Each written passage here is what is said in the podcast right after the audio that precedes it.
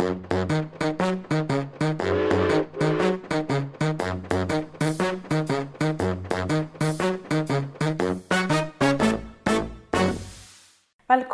til Ekspedert.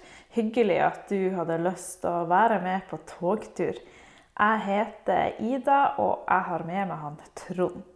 Vi skal på togtur med Arctic Train fra Narvik stasjon til Bjørnfjell.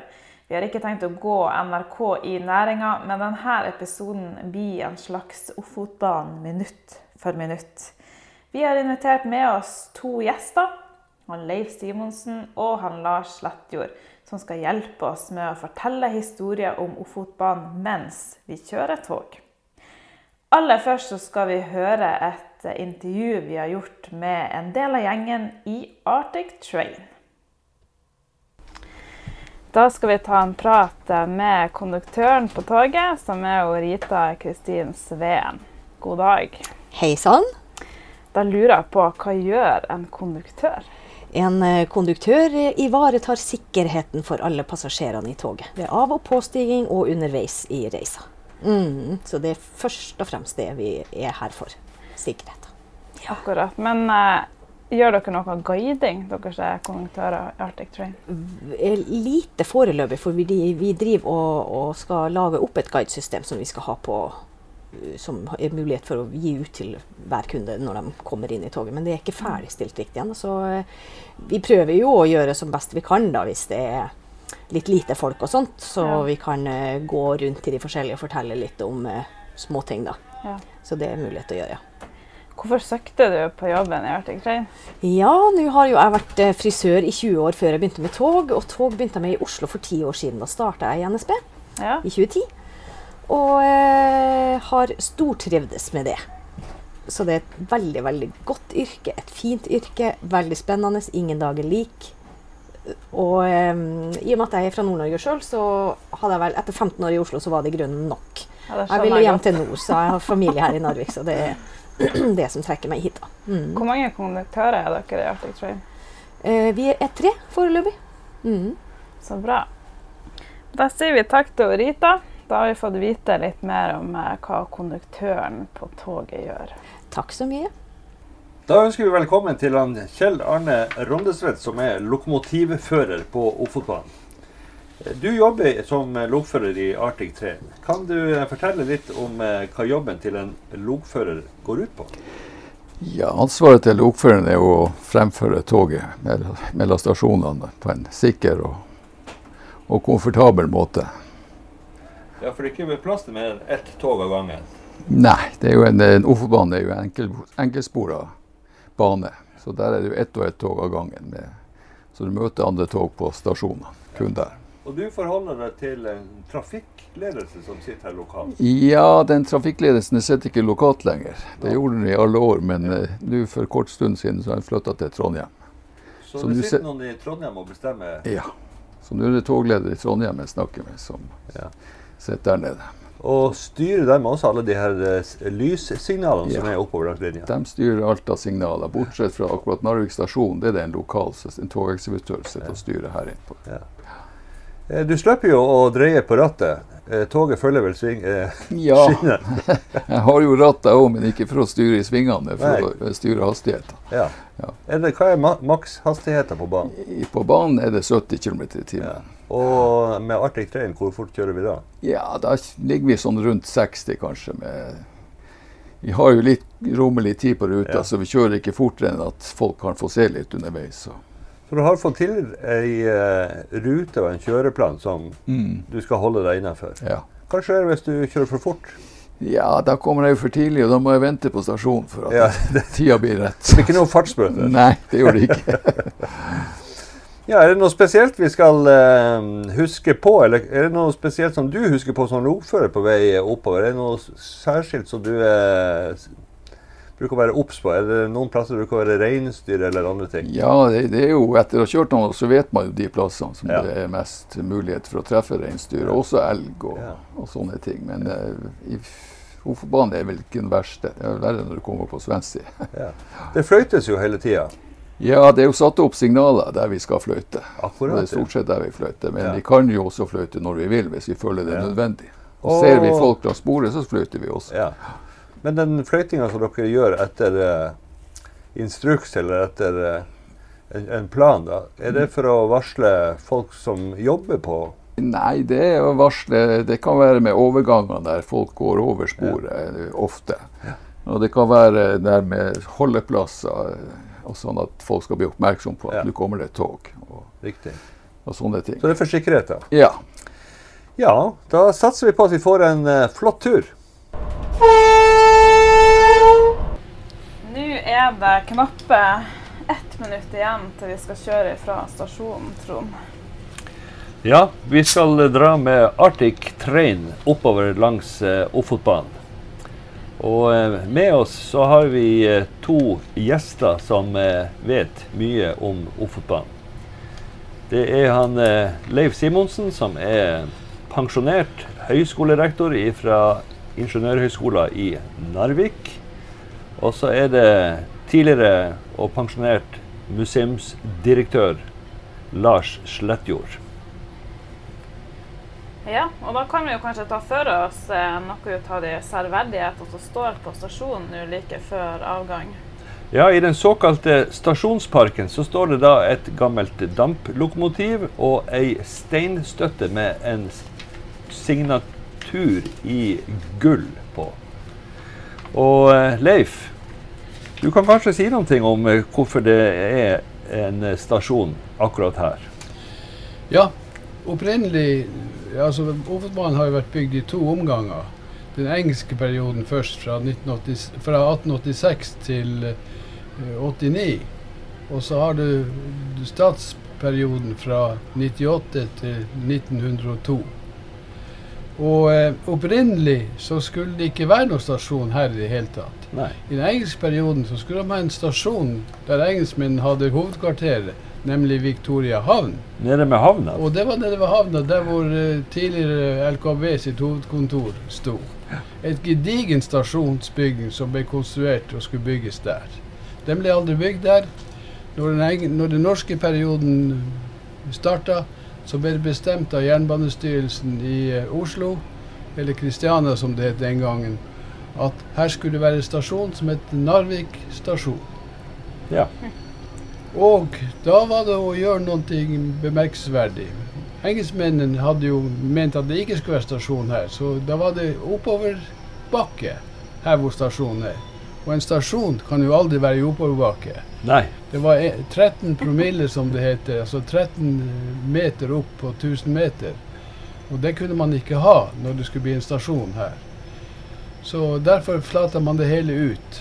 Og det ble Narvik stasjon liggende her. Så derfor er det at eh, dagens jernbanetrasé ligger lavere enn den traseen som eh, i dag er stasjonsveien, men som var den engelske jernbanetraseen. Det er helt korrekt. Eh, tilbake til eh, stasjonen igjen. Eh, vi kan jo eh, nevne det som en kuriositet, men hvis man tar toget helt opp over til Luleå, så finner man en kopi av den stasjonen som skulle bygges nede på Victoria havn. Ja. Den eneste plassen det ble bygd. Ja. Jeg må si jeg ble forskrekka første gang jeg kom til Luleå. For jeg begynte å ha sett den stasjonen før en gang. Som var altså på tegning av en Narvik stasjon ja. en gang i tiden. Så de lot ikke noe gå til spille. Nei. Og den stasjonen i Luleå den ble altså realisert i 1877. Ja. ja. Og da var de ferdig med å bygge jernbane eh, fra eh, Nei, 1887 må det jo være. Ja. Da var de ferdig med, eller midt i å bygge jernbane fra Gjellivare og ned til eh, Luleå. For å få Malmen ut den veien. Så eh, vet du noen ting om det her eh, damplokomotivet som står borte på stasjonen? Ja, det er nå en hel historie bak det. Ja. Fordi at jeg har vært i um, Statsarkivet i uh, Trondheim, og der fant jeg et brev en gang som begynte med 'Kjære Ole'. Oi. Det var sk skrevet av uh, han som leda Malmkai-utbygginga. Ole W. Lund? Nei, den som leda det, var en som heter kaptein uh, Alf Lund. Jaha. Og jeg reagerte ikke til å begynne med. Nei. Men når brevet endte med 'Kjære Ole', ja. og et annet brev som begynner med 'Kjære, kjære broder', så lurte jeg på var det noen i Frimurordenen som drev på med det her.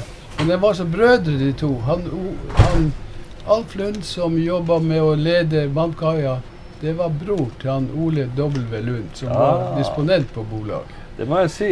Og han, eh, Ole, han Alf Lund skriver til broren sin at jeg ser ikke hvordan vi skal klare å transportere alt jord og stein fra vannkaia, så vi trenger et lokomotiv.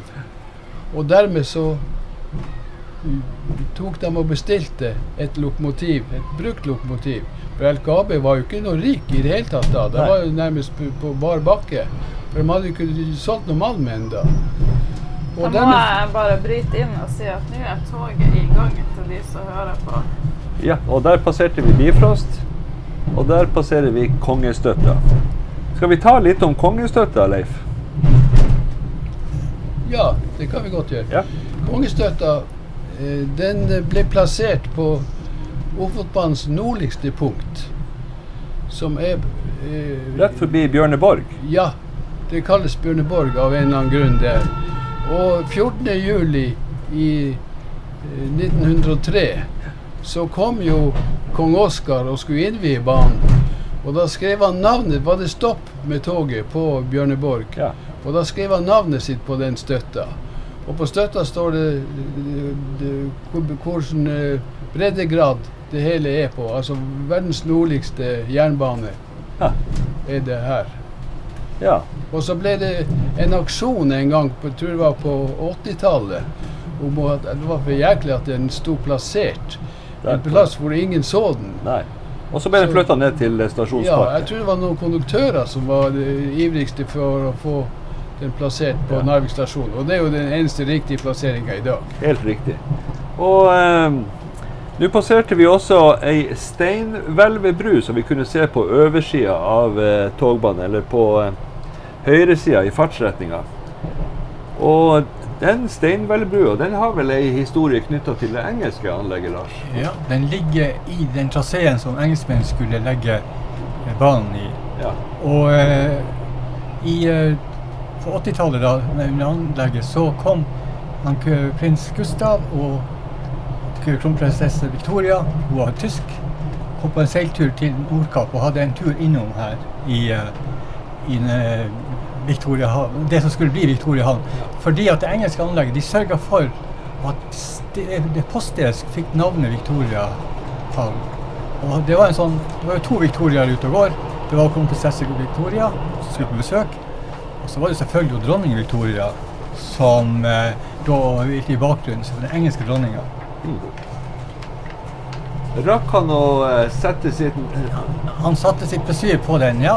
Han uh, var, de, de, skulle en tur innover mot Rombaken, og så gikk de opp si, fra fjæra eller noe sånt. Ja. Ja, og opp der, og, uh, og da satte han navnetrekket sitt på en stein som ble brukt, for de holdt på å bygge brua akkurat da. Okay.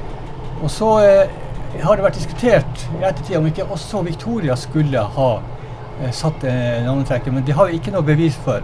Men det har vært eh, drøfta i ettertid. Ja. Men i dag så kan man altså gå ned en liten sti på oversida av Steinvelvbrua over Tarasvikelva. Og der står navntrekket til han kronprins Gustav, som senere ble da konge i Sverige under navnet Gustav den 7., og det var da i 1907. Og eh, for de som måtte være interessert i de kongelige, så er det skrevet en hel del om hans tyskvennlighet. Ja. Gustav var jo det, og han hadde da som sagt en tysk kone som også var ganske dominant etter sigende. Ja.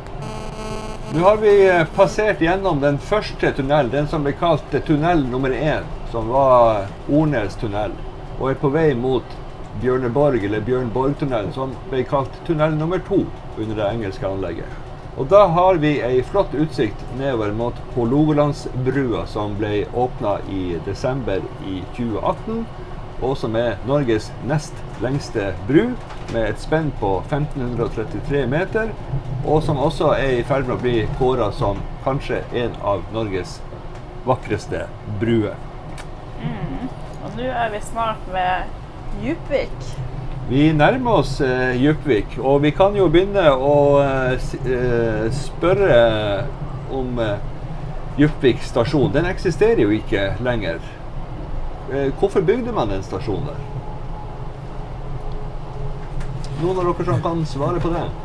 Ja, det var jo for at man måtte jo ha krysningsstasjoner. Og det var jo passende avstand fra Narvik.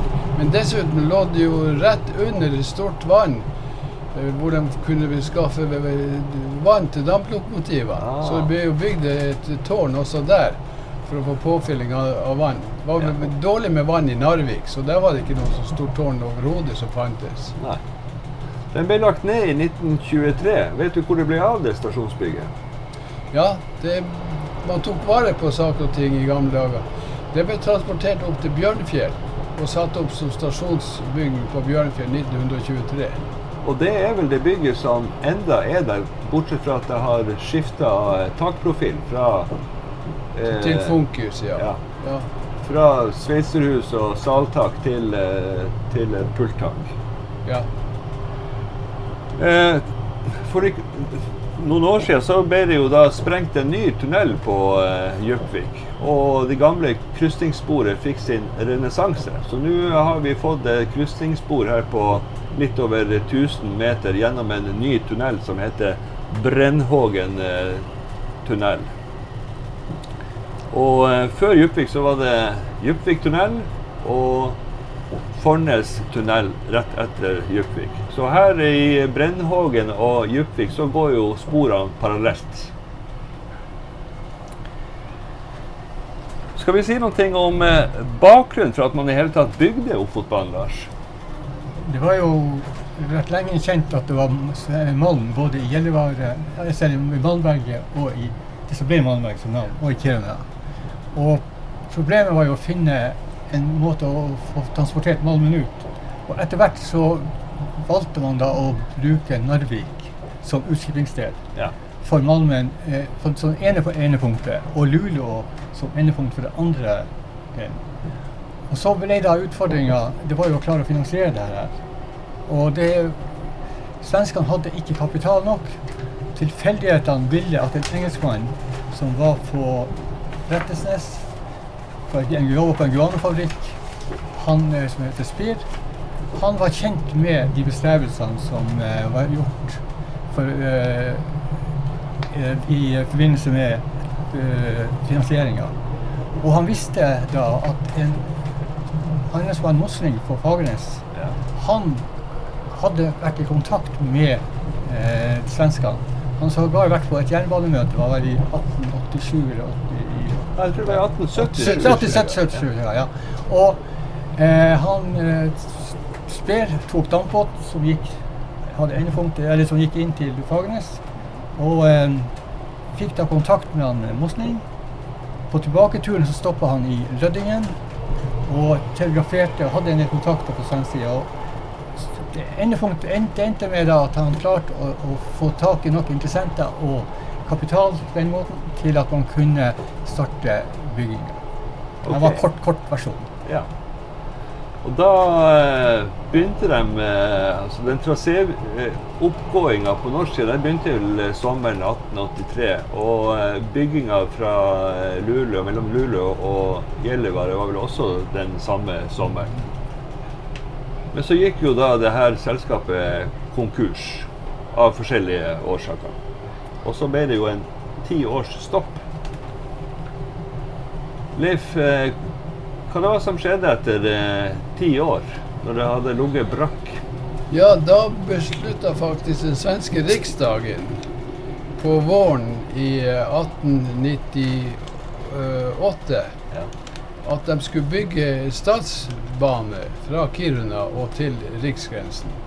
Men det var jo håpløst å skulle stoppe på riksgrensen. Det måtte være noe på andre siden. Ja. Så da vedtok også den norske regjeringa i mai måned samme året at de skulle bekoste en jernbane fra riksgrensen til Victoria havn. Og Norge og Sverige var jo på den tida i union. Slik at det var jo ikke noe eh, store terskler mellom eh, å, å få gjort ting i samarbeid, vil jeg anta. Nei, ikke i det hele tatt. Eh, nå har vi passert under Tøttamassivet, som er kjent som Narviks Matterhorn. Men hvis vi ser rett over fjorden, så ser vi ei rørgate som kommer ned eh, fjellet og ned til et kraftverk som ligger nede med, med sjøen. Det er da Nygård kraftverk. Og det sto vel ferdig en gang på, midt på 1930-tallet. Ja. Ja. Og da eh, er vi inne på det med elektrifisering av Ofotbanen. Lars, uh, var, hvorfor gikk man over til elektrisk drift? Historien om Ofotbanen er jo historie om sprang i teknologisk utvikling. Men han hadde brukt damp. Uh, Nå er vi på fra 1915, 1920-tallet. Og da var det ikke større potensial for å kunne få damplokomotiv som var kraftige nok og kunne holde høy hastighet til å kunne følge opp i forhold til den, de transportbehovene man hadde. Man måtte ha elektrisk kraft og elektriske lok til å drive de her. Og svenskene hadde jo da i 1915 elektrifisert sin del av banen. Ja. Og da ble utfordringa på norsk side hvordan skulle man gjøre det. Og løsninga var da å først å bruke svensk kraft når man skulle satt i gang elektrifiseringa i 23. Og så eh, var utfordringa da å få, norsk kraft produsert. Og da ble svaret Silvik, kraftanlegget. Og inntil det var ferdig, så kjørte man altså for kraft fra Porjus i Sverige. Det er vel forklaringa til alle de her omformerstasjonene langs Ofotbanen. Leif, kan du si noe om hva som skjer på en omformerstasjon? Ja, i, altså, som han Lars sier her, så opprinnelig så var det jo krafta fra Porjus ja. som ble transportert også ned til Narvik da. Eh, men eh, i dag så er det sånn at da lager man krafta sjøl. På Rombak finnes det en omformestasjon hvor man har en stor motor, for å si det sånn, som eh, driver en generator. Motoren går på 50 hertz, og generatoren gir da spenning ut på 16 to tredjedeler, som kalles jernbanestrømmen. Riktig, det er det de elektriske lokomotivene går på? Ja, og det finnes flere sånne omformstasjoner langs Malmbanen til Kiruna. Ja. Vi passerte akkurat eh, Strømsnes stasjon mens vi snakka om elektrisitet. Det var jo litt eh, artig. Eh, og vi kan jo også se ned på det, den strømmen som har gitt navnet til eh, Strømsnes. Nemlig Nesset foran Strømmen, der hvor Rombaksbrua går over. Og det var jo den første brua som eh, avvikla ei fergestrekning på E6, eller den gang rv. 50. 1964 ble den eh, bygd og var altså den første større hengebrua på på eh, riksveinettet i, i Nord-Norge. I dag er den jo eh, nedklassifisert til ei bru på fylkesvei. Og Langstranda, som er den odden som stikker ut fra nordsida, og som brua er festa i, eh, det ser jo, eh, ser jo ganske tilforlatelig ut. Men den har jo ei geologisk historie. Det var jo da et av de her breframstøtene på slutten av siste istid som skjøv massevis av grus fremfor seg og la dem opp som en, eh, et ness langstranda. Så på et eller annet punkt under siste istid så var det altså her brefronten til den store is, innlandsisen lå. Og nå når vi er inne på litt uh, geologi, så kan vi jo nevne Rombaksvinduet, Trond. Ja, vi er jo nå eh, inne i en stor kurve som heter 15,9-kurven. Og her hopper Ofotbanen i i et veldig stort sprang i tid. Ja. Eh, fra å være bygd på berggrunn som ble, ble danna av eh, fjell som en gang i tida har vært eh, havbunn. Ja som kom opp på land med den kaledonske fjellkjedefolninga. Så går Ofobat inn i det vi kaller for Rombaksvinduet, som er en, eh, et geologisk område med gammelt grunnfjell fra det fenotskandiske skjold, som er 1000 millioner år eldre enn de her skyvedekkene som vi har kommet ifra. Det stemmer. Og måten man kan skille det på, er rett og slett vegetasjon. For der de litt yngre bergartene, som Trond sa, kaledonske fjellkjele, veldig frodig og grønt, mens i Rombaksvinduet, som er de eldste bergartene, ja. der er det mer karrig og, og, og, litt avskurte fjellformasjoner. Man ser det veldig tydelig hvis man ser eh, over på andre sida av fjorden. At man kjører inn i fjellgrunn som er veldig karrig og sparsomt vegetert. Og så ser man lenger ut i fjorden, så er det veldig frodig. Og det er fordi at de her eh, avbunnssedimentene de eroderer lett, og de inneholder også en god del kalk. Og det er jo det som skal til for å lage godt jordsmonn. Ja, Leif? Hvorfor heter det vindu, egentlig? Jeg har bestandig lurt på. For man ser ned på de gamle bergartene. ja. Så et vindu inn i, i en fortid. Ja. Så det er ikke av formen, men mer fenomenet. Ja. Nå er vi jo på tur til Rombak stasjon, og da foreslår jeg at vi begynner å ta for oss litt tema som ja, vi kan jo bare nevne at vi har passert et pukk, gammelt pukkverk som ligger i denne grunnfjellsområdet med, med Gabro. Og Ofotbanen var den første jernbanen som begynte å bruke pukk til ballast. Og for de som ikke vet hva ballast er, så er det altså det som skinnegangen er pakka inn i. Som svillene er pakka inn i. Og som du sier, vi begynner å nærme oss eh, Rombak. Vi skal gjennom eh, Fjellheim tunnel, og så er vi inne på Rombak. Og, ja, så ser vi nå Nå ser jeg i hvert fall inn til Rombaksbotn. Ja, vi kan se. Ja. Man ser eh, både utover Rombaksfjorden og innover Rombaksfjorden. På Rombak så står det et gammelt eh, vanntårn. Lars? Ja, de vanntårnene på Det var jo flere vanntårn langs, som, eh, langs banen. Jeg vet det lå ett på Katrat et advokatat bl.a. Men eh, det her var jo bygd da, da anlegget var så ferdig, altså i, ferdig i 1902. De her, og var jo en integrert del av banen. Altså de Dampbrukene måtte med jevne mellom få tilførsler av vann. Og de hadde da en dam i bakkant som de kunne fylle vann på. Og de ble jo sørga for at de holdt seg frostfrie, for at det var ovn i den som kunne fyre opp. Og den, den som er nå bevart her på uh, Rombak, den er da eh, freda. Ja. Ett av tre. Av kongen? Av Miljøverndepartementet. Ja. nesten. nesten. Ja. Og eh, det er det er behørig tatt vare på.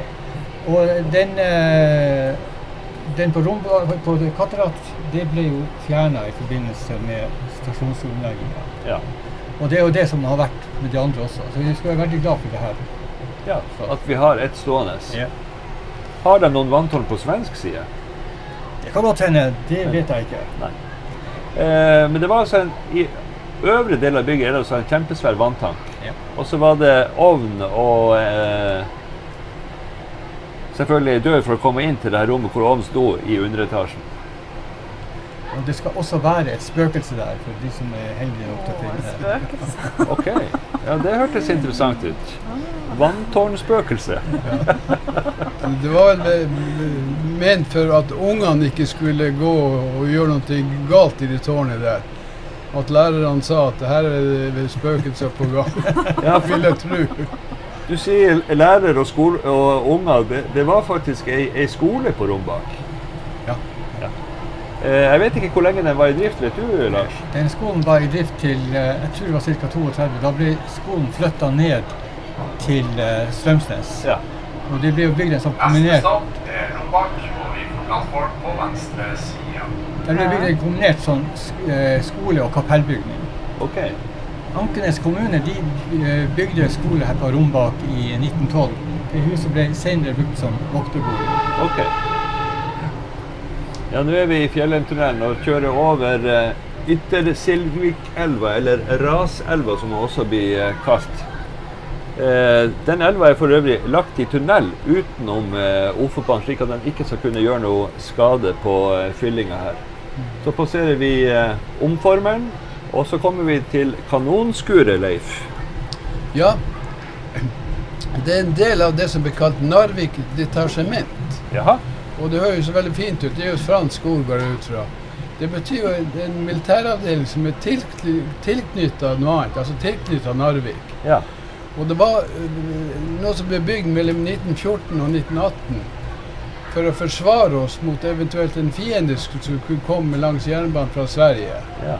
Og det er ganske omfattende anlegg som er bygd der. Det er feltforskansninger. Feltforskansninger, det er vanlige skyttergraver. Ja. Og så er det to bunkere som er bygd. Store bunkere som ja. inneholder kanonstillinger og geværstillinger. Okay. Og ett av dem er bygd i nærheten av, av skinnegangen. En bunker, og en blir bygd helt oppe ved Silvikvann, som er høyt til fjells, 700 meter over havet, så vidt jeg vet. Ja. eller noe sånt. Og det var for å ta, ta fienden som kom eh, via grensen, som ikke gikk langs jernbanen, men som gikk i fjellene. Ja. Og da skal det stoppes av, av, det. Det kunne jo ikke ha vært svenskene vi var redd for, for vi var jo i union med Sverige når banen ble bygd. Ja, det er ikke godt å vite om vi ikke var redd for dem òg. Nei, du har helt rett. Det var nok uh, russerne ja. man var fornøyd. Den store røde fare fra øst. Ja, visst. Men hva skjulte seg i kanonskuret? I kanonskuret sto det en 7,5 eh, millimeter centimeter om plass ja. kanon. No. På ei vogn. Ja vel, på jernbanevogn. Ei kanonvogn ja. blir det kalt. Ja. Jernbanevogn. Ja. Og den ble tatt ut en gang om året langs Ofotbanen og prøveskutt ja, tvers over Rombakken. Ha. Og faktisk senest hørte jeg av en gammel lokfører som jeg kjenner, at det ble skutt i 1950-åra, ble sist brukt. Ja, det må jeg si. Det er... Men eh, det var ikke noe kanon som var plassert på det øvre bunkerset som fantes. Og det, det, sies at når kommanderende general kom hit i 1918 og skulle inspisere anlegget, det var jo ansett som ferdig, så var han også oppe ved det øvre uh, stillinga. Og da oppdaga han at det var ikke noen kanon der. Og da måtte de jo si herr general, Dessverre, vi klarte ikke å, å få han transportert opp hit. Det var jo ikke helikopter den gangen, og det var jo bratt oppover, ikke noe vei. Ja, det er klart. Så, som det er nå oppover dit. Så det klarte de ikke å få opp. Så det ble uten kanon der oppe. Nå kan jeg jo si at vi forlater Rombak stasjon. Her har toget stoppa i ca. to eh, minutter. Og nå er vi da på vei til Katterat. Først skal vi gjennom Silvik tunnel. Og så skal vi bort til eh, å passere både Bård Jensen-skjæringa og Kvitur. Eh, vi har ei skjæring som heter Bård Jensen, eller på kartet står det Bor Jensen.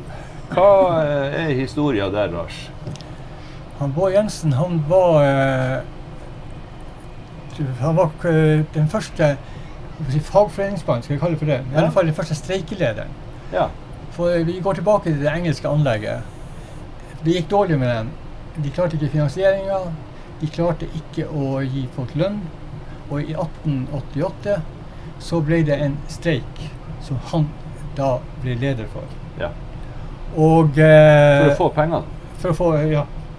Og det var eh, Det her var, ble etter hvert ganske, for så vidt ganske dramatisk. I 89, da streiken avvikla osv. Da sendte eh, norske forsvaret opp en eh, skip fra Trondheim ja. med 80 militære for å ta, uh, sette i gang med den avviklinga av anlegget. Da hadde okay. de gått konkurs. De frykta for uh, opptøyer og anarki? Ja, og de hadde jo sett at man kunne organisere seg her. Okay. Og han, Bård Jensen, han, han kom tilbake og var også her med på det andre anlegget. Han var med å stifte Narvik Arbeiderparti. Ja. Og i 1907 flyttet han til USA. Og han døde der borte. Ja. Og han har etterlatt seg da et skriv sånn, der han forteller om anlegget. Et manuskript til Manuskript til den historien uh, om det som skjedde. Og han var en, tydeligvis en veldig skrivende mann. Og etter at han døde, så fant de en masse papirer i USA om alt ble hevet. Å oh, nei, å nei. Ja, det var jo ei sørgelig historie. Men eh, åpenbart en, eh, en, god mann å ha på anlegget. Ja. Og eh, vår kjerring er jo da oppkalt etter ja. Naturlig nok. Ja. ja. Leif? Nå er vi ved Innesilvik. Her kommer elva ned fra Innesilvikvannet. Ja. Og det var grensen for uh, det første anlegget. Uh, fra Narvik opp hit. Første avdeling. Ja. Og andre avdeling gikk herifra opp til grensen. Det såkalte fjellanlegget? Ja, fjellanlegget. Ja. Og de hadde forskjellig anleggsledelse og forskjellige ingeniører? Ja. Han heter Askehaug, den som var leder opp, opp hit. Og uh, Holfeldt Lund heter han som var fjellanlegget. Ja. Også her i Innerskilvik så har man sprengt en egen tunnel for å lede elva utenom Ofotbanen, slik at den ikke kan gjøre noe skade. Og så er Ofotbanen ført på ei fylling over det gamle elveløpet. Her på eh, Kvitur så står det noen eh, tufter på oversida, altså på høyresida i fartsretninga. Eh, og det har vi sett mange andre plasser også, at det har stått eh, at det er tufter helt opp mot skinnegangen. Eh, hva, er, hva har vært der? Ja, de, de, her tuftene de har kjørt uh, flere Det var jo uh, etter uh, banevaktboligene. Ja vel. Så da man bygde Når man satte banen i drift, så ble banen delt opp i arbeidsområder, såkalte avdelinger. Og innenfor, uh, i første, til å begynne med så var det elleve avdelinger. Ja. Og da var det på hver avdeling så var det to banevoktere. Okay. Og uh, med en baneformann som var Ja. leder. Og de her banevokterne de hadde da som oppgave å passe linja. De tok sånne visitasjonsrunder. De skulle være, uh, hver dag skulle det være iallfall to uh, runder. Ja. Normalt morgen og etter arbeid er ferdig. Men på vanskelige strekninger, som f.eks. under Tøttamassivet, der hadde de også, måtte de også gå på natta. Ja. Så det tok andre runder på natta. Så det var for å være nær sine arbeidsoppgaver. Og da bodde de med, med familie og alt? Bodde med familie og alt. Men så skjedde det som det har skjedd ellers i samfunnet, i sentralisering. Ja. Det man gjorde da, det var at man flytta dem inn til stasjonene. Ja. Og så i 65 hadde man fått moderne teknologi. ja. Da trengte man ikke lenger å ha folk ute eh, her, og da ble all den tjenesten tatt over fra Narvik. OK. Ja, Leif. Vi kan kanskje nevne en kuriositet her. Fordi at eh, like etter vi har plassert uh, Silvi, Silvik her, elva der, så kom vi til noe som heter Ulveland. Ja. Og alle lokførerne jeg har snakka med, og alle noensinne som har ansatt på jernbanen, det var fordi at det var observert ulv i det området her. ja. Men jeg har vært i Statsarkivet i Trondheim, Ja. og der fant jeg ut at oppsynsmannen for denne strekningen her, han heter Ulveland. Akkurat, ja. Så det er nok ikke noen, noen riktige ulver som har vært her. Det var oppkalt efter Vi har jo også akkurat der vi passerer 25-dalen. Og den er jo oppkalt etter brakke 25, som da Ja. ligger ved kilometer 25. Ja. Men nå ser vi rett ned på Rombaksbotn. Ja, så der. Og eh, Leif, du har ei viss tilknytning til eh, den gamle anleggsbyen. ja, bestemoren min og og bestefaren min bodde faktisk der. Og min far bodde også der til han var litt over ett år gammel. For, for min bestefar jobba på anlegget. akkurat, ja. Nå er det jo ingen hus uh, igjen eh, der nede. Ett det? et hus, men det står ikke igjen. Men det er en kopi av et hus som har stått der tidligere. Ja, ok. Lars, hvor mye folk bodde det i Rombaksbotn? Man regner med at det kunne vært ca. 500 mennesker som bodde her. Det var jo et lite bysamfunn som var en, et servicested for anlegget. Altså, man, det hadde dampskipsanløp her. Så tok man transporten både til den nærliggende delen på norsk side og til på svensk side fra der. Så, eh, og da hadde man jo et et korps av hestekjørere Ja. som drev som egne entrepriser og ble engasjert til å kjøre opp. Og deler av transporten var jo da gjort til eh, den linbanestasjonen. Eh, og deler ble kjørt opp til eh, selve det enkelte anleggsstedet. Og eh, byen hadde Vi kalte det for, vi kaller det gjerne for en by, men altså det, samfunnet hadde da en rekke hoteller eh, og eh, andre og butikker.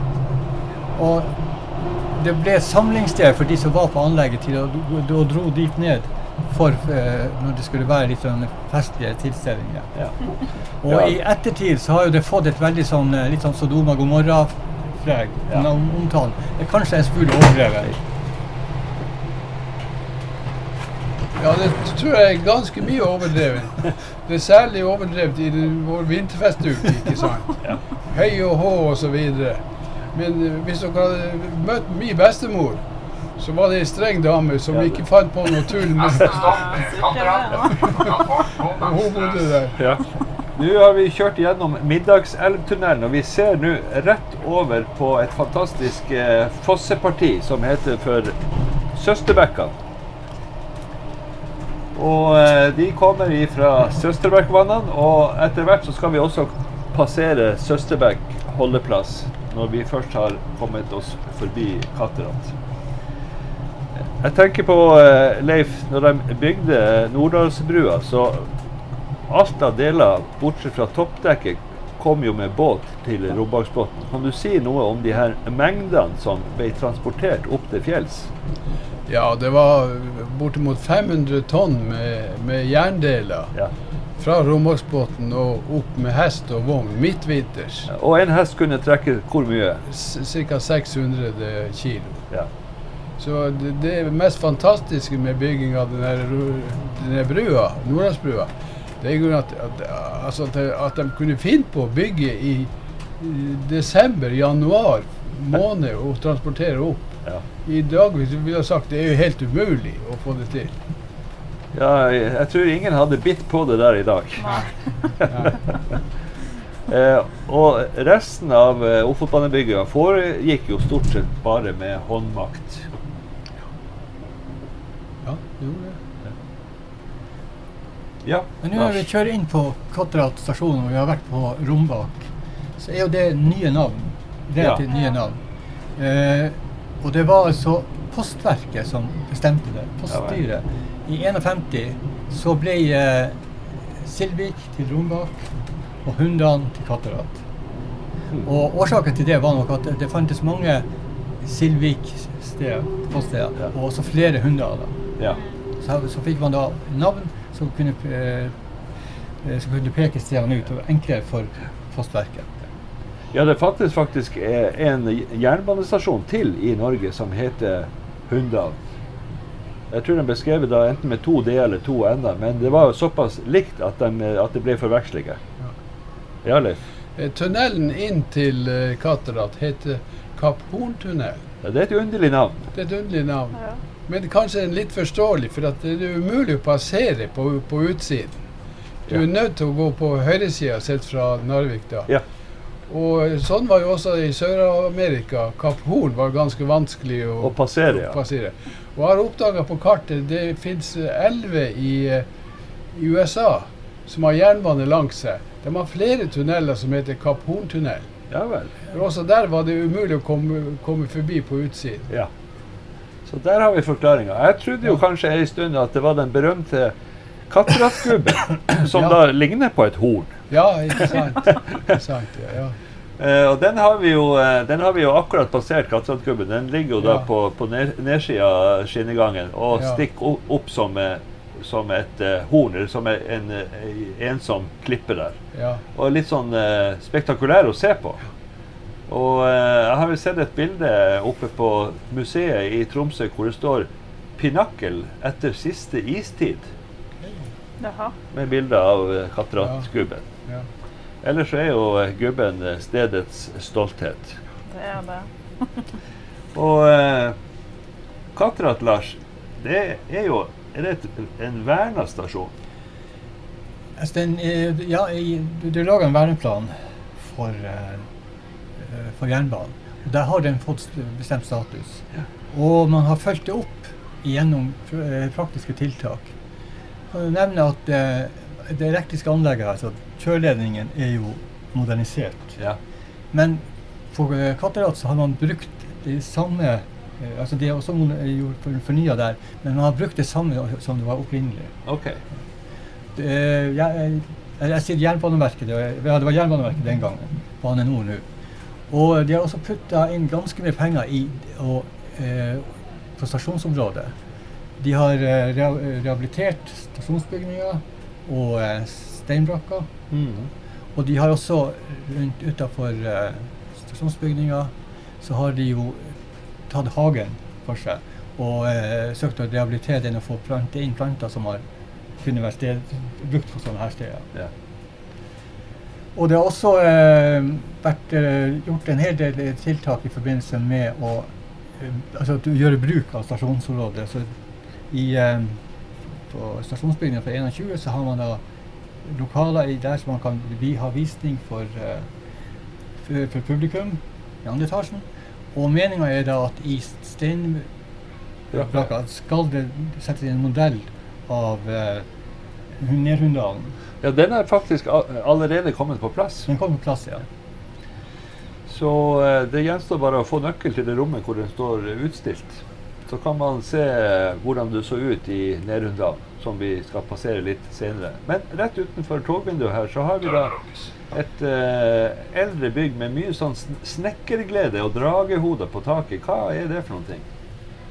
Det har sannsynligvis vært, vært uh, stillverk som har vært der. Riktig, for å slå om, for, om vekslene. Om ja. Ja, ja. Men jeg kan kanskje nevne du, at uh, på stasjonen her ved øverste etasje så fins det et hemmelig rom.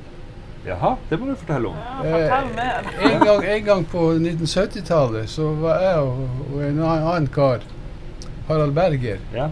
Vi fikk låne nøklene til stasjonsbygget. Ja. Og så var vi og, og kikka i alle rommene. Oppe på loftet fant vi luker som gikk inn til et rom like nærheten av skorsteinen. Og det lille rommet der, der innerst inne lå det en liten sekk. Ja. Og i den sekken lå det fem-seks flatbrødpakker. Ja. Men mer vet vi ikke om det hemmelige rommet der. Nei. Vi snakka med, med byggfolkene som hadde ansvar for det. De har aldri hørt om det rommet der. Men det er altså et hemmelig rom der oppe. Tror du at det kanskje eh, ble brukt for å eh, skjule flyktninger som skulle sendes med tog eller noe sånt over til, til Sverige under krigen? Det var også det vi trodde. Ja. Absolutt. At den ble skjult der oppe? Ja. Midt i fiendens hovedkvarter, så å si. Ja, ikke sant. Nå kjører vi gjennom Sørlandstunnelen. Før Vi må også nevne at på eh, Katterat så står det en trafobygning ja. som er tatt godt vare på. Og det meste av de elektriske installasjonene fra den tida da trafoen fungerte, er, er, er, der. Og eh, den trafoen var jo i drift fra 23 til 72 eller noe sånt. Ja, og de som eh, drifta det, de, de, bodde på, på Katterat. Med ja. familie og barn og alt. Det var en egen firemannsbolig som ble bygd. En firemannsbolig for elektropersonale. Eh, og trafo, sier du, det betyr jo da transformator. Og det vil da si at eh, det var eh, strømmen fra Porjus som ble sendt på, som høyspent. For de, å kunne, 80 kV som kom fra Porjus. Ja, for å ha minst mulig tap på ja. overføringa. Men det blir for høy spenning til å kjøre inn på togene. Ja. Derfor måtte man ha en transformator for å transformere Til 16 kV. Riktig. Og nå står vi omtrent oppe på en vanntunnel ja, som ble laga under den engelske perioden. Istedenfor å ha bru her, der er Hundalselva som går under, ja. så ynda jo ingeniørene den gangen å sprenge seg vanntunneler heller, og spare den brua. Ja. Og heller bygge i fylling. Ja. Og her var det også en veldig kjent utforkjøring i 1952. Nei, jeg tror det var 59. 6. oktober 1959. Den store uh, flommen. OK, ja. ja.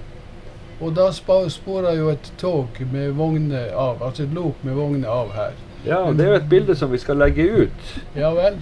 Begge de som var i førerhytta, de overlevde jo.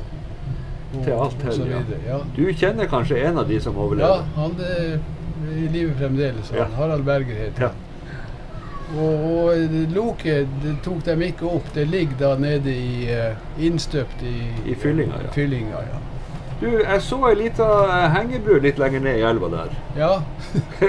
det er den eneste brua som er bygd over eh, Undalselva. Ja. ja. Og den ble bygd i forbindelse med tunnelprosjektet eh, som de hadde her. Ja. Og lage et spor som var ved siden av spor 1, ja.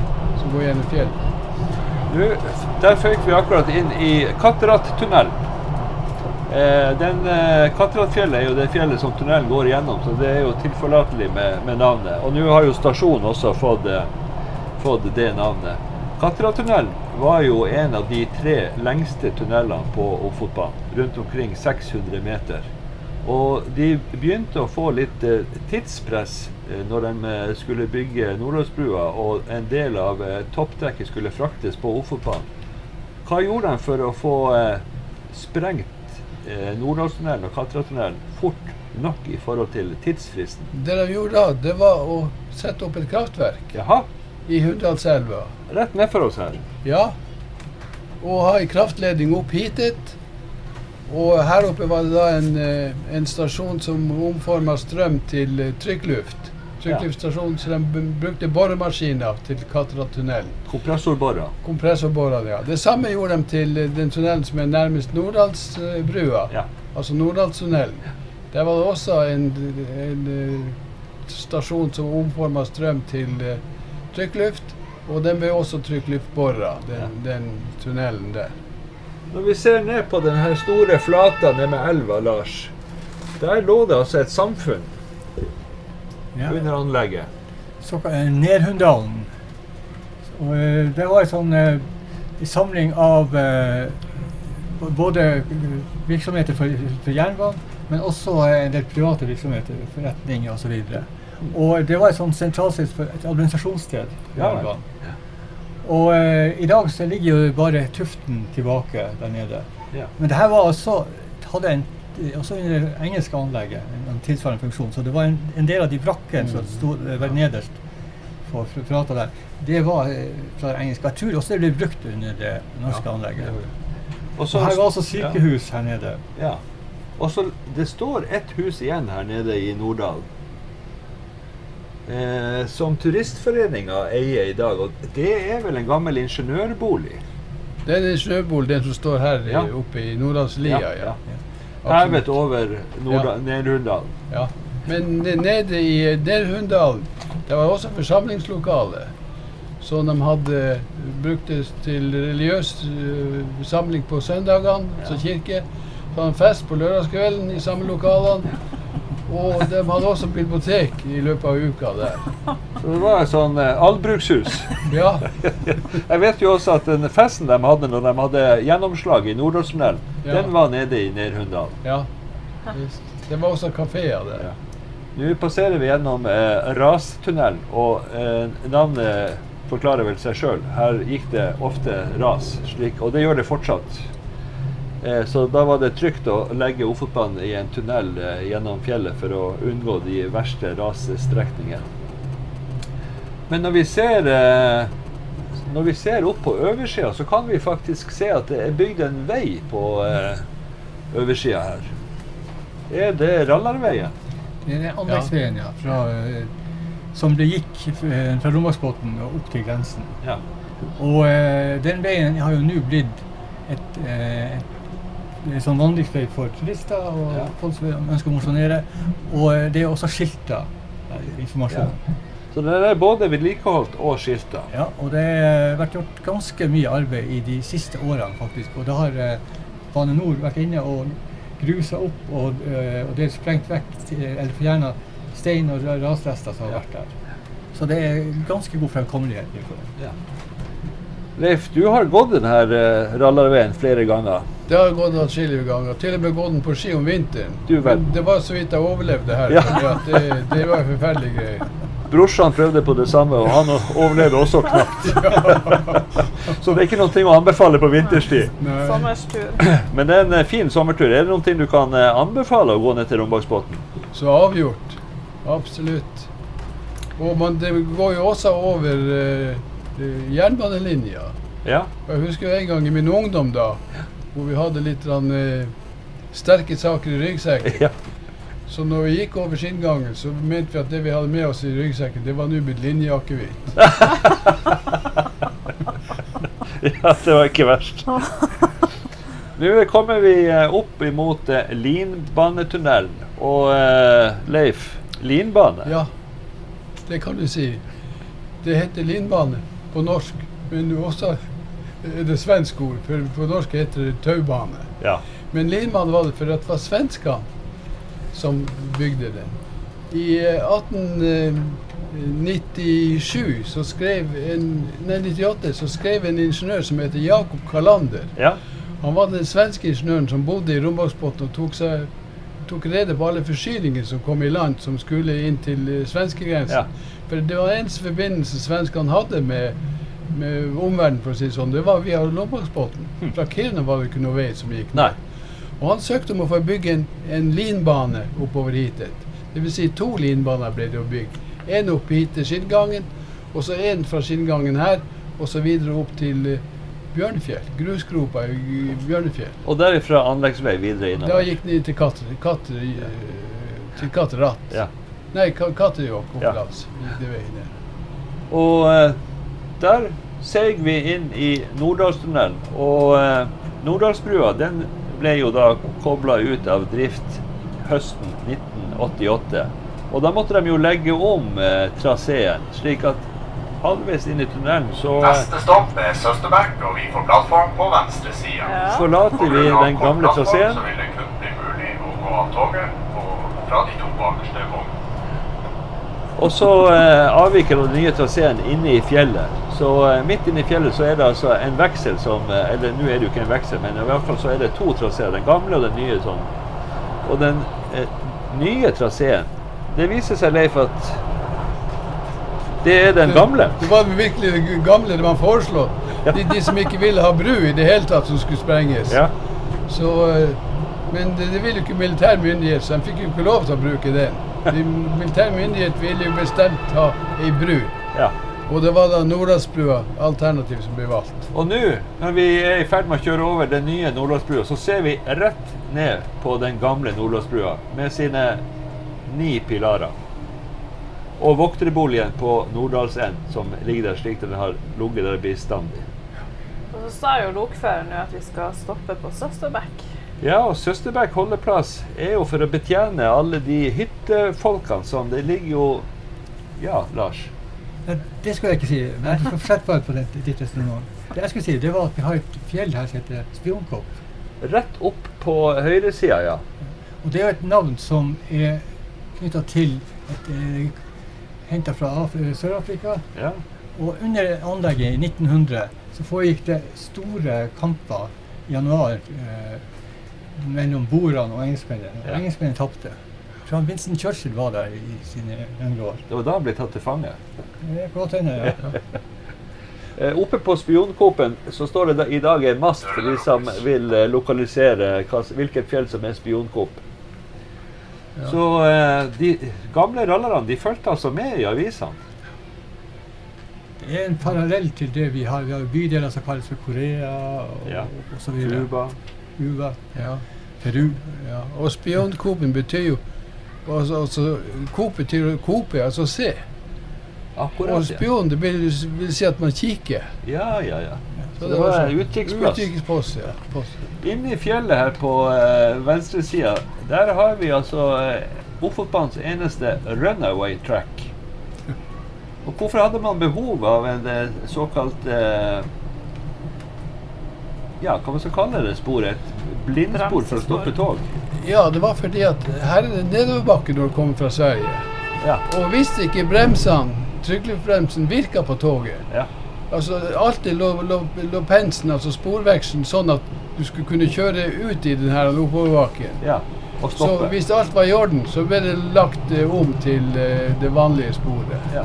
For her lå den gamle Bjørnfjell stasjon. Bjørnfjell stasjon gamle lå her, ja nå er vi på tur til den nye Bjørnfjell stasjon, som ja. blir altså stopp for denne turen. Det nærmer seg med stormskritt nå. Så har vi noe ja. vi vil si. Der passerte vi Haugfjell holdeplass, og nå kommer vi inn i en uh, Nordstrømtunnel. Eller Nordstrømbygget. Og så har vi eh, Nordstrømbrakka som kan ses akkurat idet vi kommer ut herifra nede på høyresida, før vi kjører ut på Pettersenfyllinga og deretter Mons Olsen-tunnelen. Ja. Og han Mons Olsen, hvem dere tror det var? Men han var bare en bas? Han var bas, ja. og det var vel antagelig Nordstrøm også. Ja, sikkert. Som Nordstrømvatnet er oppkalt etter. Eh, og når vi kommer gjennom med Mons Olsen, så får vi ei gammel steinbrakke som ligger, eh, som vi kan se på høyresida idet vi kjører over eh, elva. Solheimsbrakka. Der må ha vært en bas som heter Solheim. Men eh, den Solheimsbrakka har mer historie. Vet du noe, Lars? Ja, altså det er jo i det ble bygd under, under anlegget så ble det bygd en rekke steinbrakker. Ja. Og Solheimsbrakka skiller seg fra de fleste andre, for det, det er et vinkelbygg. Eh, og, og, mange av de her steinbrakkene som jo ble jo brukt senere som fundament for, for vokterboliger, ja. Men Solheimsbrakka har sitt opprinnelige form. Og den er jo da blitt mest kjent for at han, Edvard Dieter var her under siste del av det under kampene. I 1940? I 1940. Det er det andre bygget på et, det andre bygget som vi kan nevne som er freda. Ja vel. Det tredje bygget som er freda av jernbanebygg, det er, det er um, Rogstad 1 i Narvik. Så vi har altså tre freda bygg på Ofotbanen. Ja. Neste stopp er Bjørnfjell. Det her er det berømmelige Tjuvoverbygget. Ja, hvorfor heter det Tjuvoverbygg, tror du? Eh, de skulle egentlig bygge to bygg, og hadde frakta materiale opp på fjellet til å bygge to bygg. Men hytteeierne var jo alltid i mangel på uh, god material. Slik at når de kom opp da senere og skulle bygge, så var det bare nok materiale igjen til ett bygg. Derav Tjuvoverbygget. og her på oversida så ligger det altså masse hytter, men også ei støtte. Vet dere noen ting om denne her, uh, minnestøtta der? Ja, i 1928 ja? så ønska LKAB det var jo jubileum da. Ja. 25-årsjubileum fra åpninga. Så ønska LKAB, som da hadde gode tider, å betale en månedslønn til alle ansatte på NSB. Det hadde de fått på bolaget, nemlig okay. LKAB. Men den norske staten sa vi tar ikke imot bestikkelser fra utenlandsk stat. Så da fikk de ikke lov til å bruke pengene personlig. Men de tok imot pengene og så bygde de en, en støtte her. Så bygde de også en fotballbane. Fullskala fotballbane. Oi. Så når åpninga skjedde, eller jubileumsdagen skjedde, så spilte de en fotballkamp der. Landskamp? Nei, det var mellom to norske lag. Og det er det eneste kampen som har spilt der. Og så siden Banen ligger der fremdeles, for så vidt. Det er et flatt område. Det er jo busk og sånn på den. Men ja. det er jo så. ja, det er ikke dårlig. Ja. Men da er vi faktisk framme på Bjørnfjell Da er vi framme på Bjørnfjell, ja. Og før vi avslutter, så må vi nesten ta med oss at her inne på uh, Bjørnfjell stasjon, så har vi altså stasjonsbygget som tidligere lå på Djupvik. Mm -hmm. Vi har uh, Bjørnfjell turiststasjon, som tidligere var gamle Bjørnfjell stasjonsbygning. Og så har vi ei dramatisk historie, også fra 1940, når Trønderbataljonen, eller det kompaniet som klarte å ta seg opp til fjells ut av Narvik, de ble da omringa og angrepet av eh, tyskerne her i slutten av april. Og da var det altså sju mann i, av trøndersoldatene eh, som ble drept. Og eh, navnene til de står altså på den støtta rett bortenfor stasjonsbygget. Og for de som er ekstra interessert, så kan man gå inn på venterommet og bort til den gamle billettluka. Der ser man et av kuleholdene fra den kamphandlinga i slutten av april 1940. Men da gjenstår det egentlig bare å takke for oss. Eh, da sier vi takk til han Leif og han Lars at dere ville være med på togtur i lag med meg og Trond. Og en ekstra takk til Arctic Train for at vi fikk lov til å spille inn Ekspedert på Ofotbanen. Ja.